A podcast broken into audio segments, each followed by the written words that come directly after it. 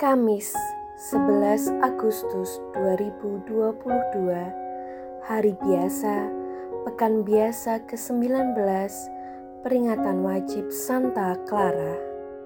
Bacaan pertama diambil dari Nubuat Yehezkiel bab 12 ayat 1 sampai dengan 12 Tuhan bersabda kepadaku, "Hai anak manusia, engkau tinggal di tengah-tengah kaum pemberontak.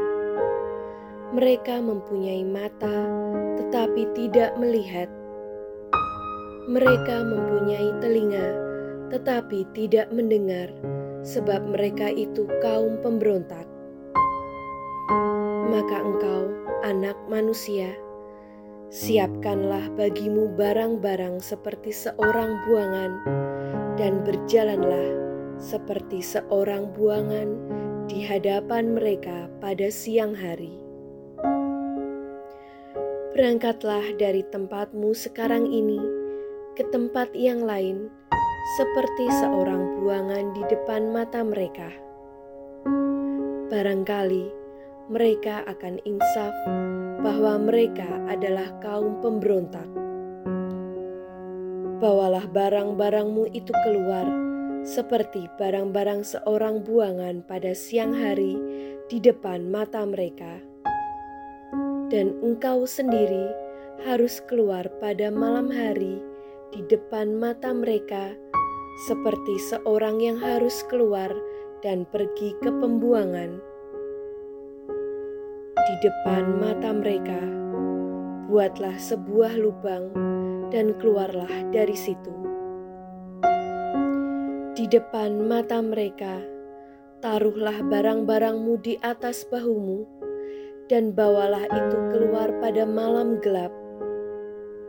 Engkau harus menutupi mukamu, sehingga engkau tidak melihat tanah. Sebab aku membuat engkau menjadi lambang bagi kaum Israel.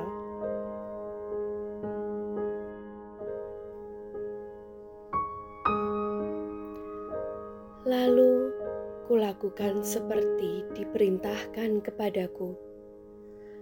Aku membawa pada siang hari barang-barang seperti perlengkapan seorang buangan, dan pada malam hari aku membuat lubang di tembok dengan tanganku.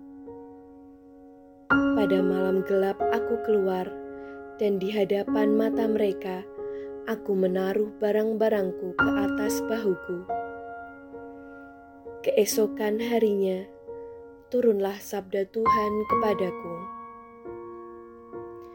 Hai anak manusia, bukankah kaum Israel kaum pemberontak itu bertanya kepadamu, "Apakah yang kau lakukan ini?" Katakanlah kepada mereka, "Beginilah sabda Tuhan Allah." Ucapan ilahi ini mengenai raja di Yerusalem dan seluruh kaum Israel yang tinggal di sana. Katakanlah, "Aku menjadi lambang bagimu." seperti yang kulakukan ini, begitulah akan berlaku bagi mereka. Sebagai orang buangan, mereka akan pergi ke pembuangan, dan raja mereka akan menaruh barang-barangnya ke atas bahunya pada malam gelap dan akan pergi keluar. Orang akan membuat sebuah lubang di tembok supaya baginya ada jalan keluar. Ia akan menutupi mukanya supaya ia tidak akan melihat tanah itu.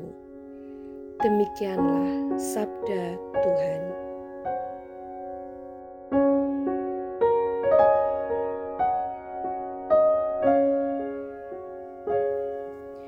Bacaan Injil diambil dari Injil Matius bab 18 ayat 21 sampai dengan bab 19 ayat 1. Sekali peristiwa, Datanglah Petrus kepada Yesus dan berkata,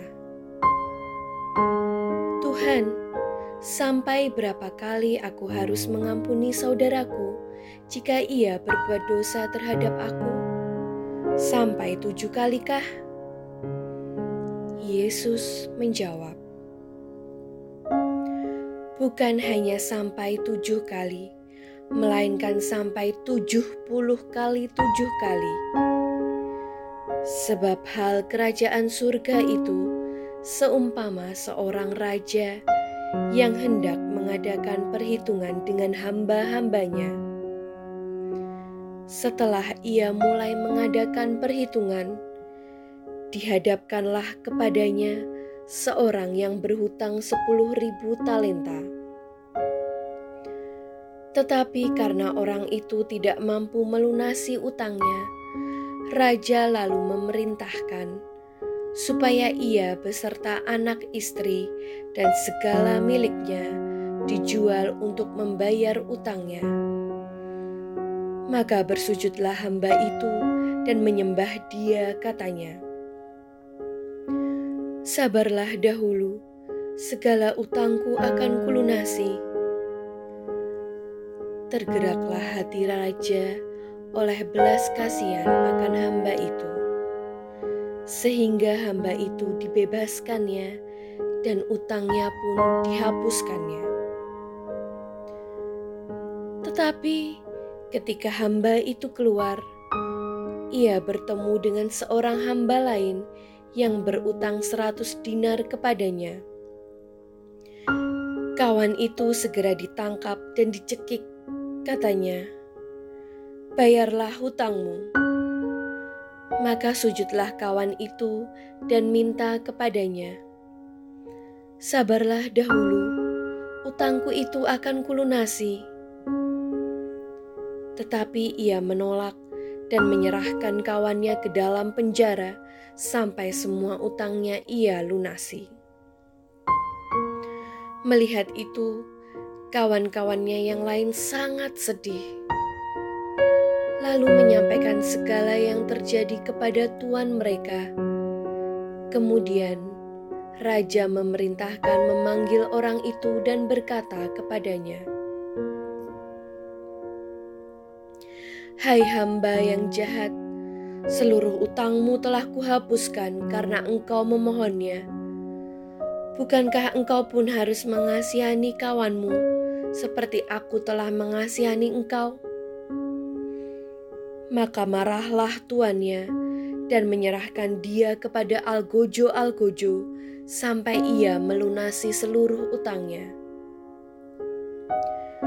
Demikian pula Bapakku yang di surga akan berbuat terhadapmu jika kalian tidak mengampuni saudaramu dengan segenap hatimu. Setelah Yesus selesai dengan pengajarannya, berangkatlah ia dari Galilea dan tiba di daerah Yudea di seberang Sungai Yordan.